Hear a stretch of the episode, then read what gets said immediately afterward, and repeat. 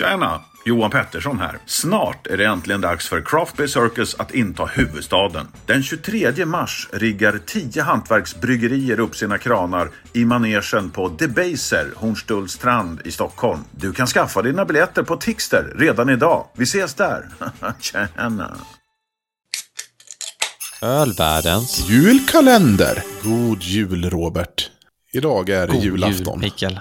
Ja, det är julafton. Alltså det, det känns lite sorg faktiskt på ett sätt. Inte att det är julafton, men att vår julkalender är slut. Ja, alltså nästa år så kör vi fram till nyår tycker jag nästan. det var... Minst, alltså enligt Edvard Blom börjar väl julen den 24 liksom. Så jag tänker att då eh, kör vi väl julafton och framåt. Du Mikael, ja. vad ska vi prova idag? Kan du säga vad de heter nu på riktigt? Vi åker ju ut till eh, Gotland. Och där har vi ju ett ja. fantastiskt bryggeri som heter Snausarve. Just det, Snausarve, inte Snausarvet. Nej, precis. Mm. Jag har lärt mig nu. Det har du lärt dig. ja, precis. Och där har vi...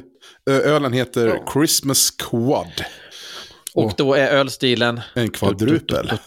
En kvadrupel, är det från Dalarna? Nej, det är inte, men eh, från Gotland. Eh, ja, men denna har ju funnits med ett tag, kan man väl tänka sig. Det har väl funnits några jular? Alltså, jag har ju läst mycket hyllningar av den här, så jag ser ju någonstans fram emot att verkligen få prova den här. Jag har väntat med att smaka. Jag har hållit ut, trots att jag har någon flaska till hemma så, så, så kände jag att nej men eh, det här ska jag prova live för första gången i sändningen. Men, så jag, men det, är, det är så mm. många där ute som har hyllat den här så jag, blir så, jag är så nyfiken. Jag är också nyfiken. Står det batch 201 på din med? Bara för att liksom säkerställa att vi sitter med exakt samma flaska. Eller exakt samma flaska med exakt samma batch i alla fall. Stämmer bra det. Batch ja. 201. Den doftar ju väldigt vinöst skulle jag säga. Alltså den är ju... Det märks att det här är en värmande och god öl alltså. Man går in på 12 procent. Ja.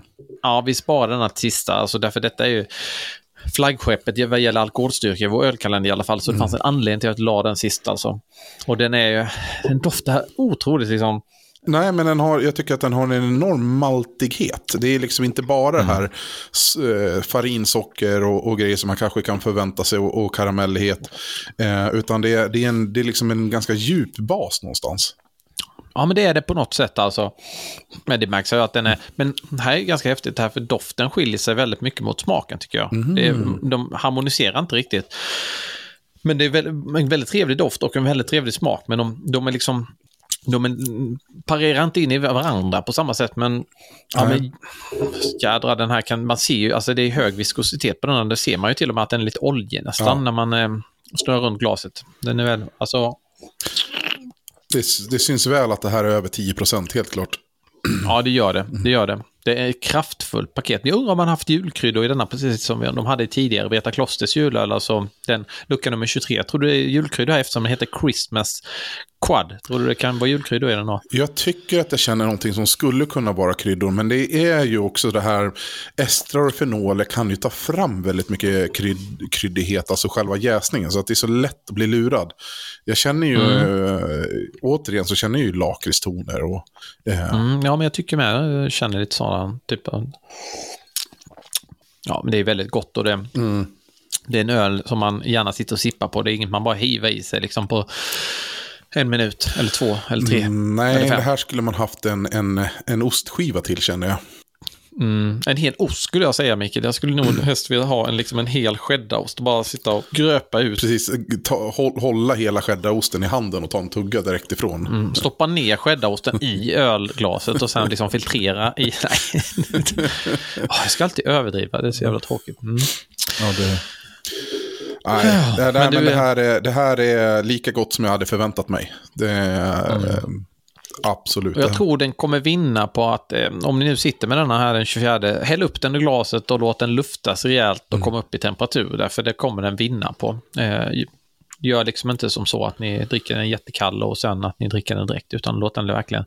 Jag kan tänka mig att ett klassiskt belgoglas faktiskt kommer till sin rätt. Liksom, och just eh, ja, men lufta ölen på, på ett annat sätt, det är ju positivt. Liksom, de här lite alkoholstarka. Mm. Men du Mikael, vilken resa vi har haft här nu, 24 dagar. Det får man ändå säga. Det får man säga. Det är inte en dålig öl. Det har varit så Nej. imponerad av varenda en vi har druckit. Det har känts som att eh, Ja, men ska man få lov att fejka någon gång? Liksom? Eller ska man... Eller hur, liksom, men det har inte varit där. Nej, det, så är det verkligen. Eh, svensk hantverksöl har aldrig någonsin varit bättre och, och svensk hantverksöl har aldrig haft det så tufft som de har det nu, just nu. Så se till att stötta våra svenska hantverksbryggerier. Vi måste liksom göra allt vi kan för att de ska överleva. Så se nu till att välja svensk hantverksöl i mellandagarna och eh, framåt och resten av året. Here, here. Jättegott. Supergott. Du, skål och eh, god jul. Skål och god jul och tack till alla er som har lyssnat.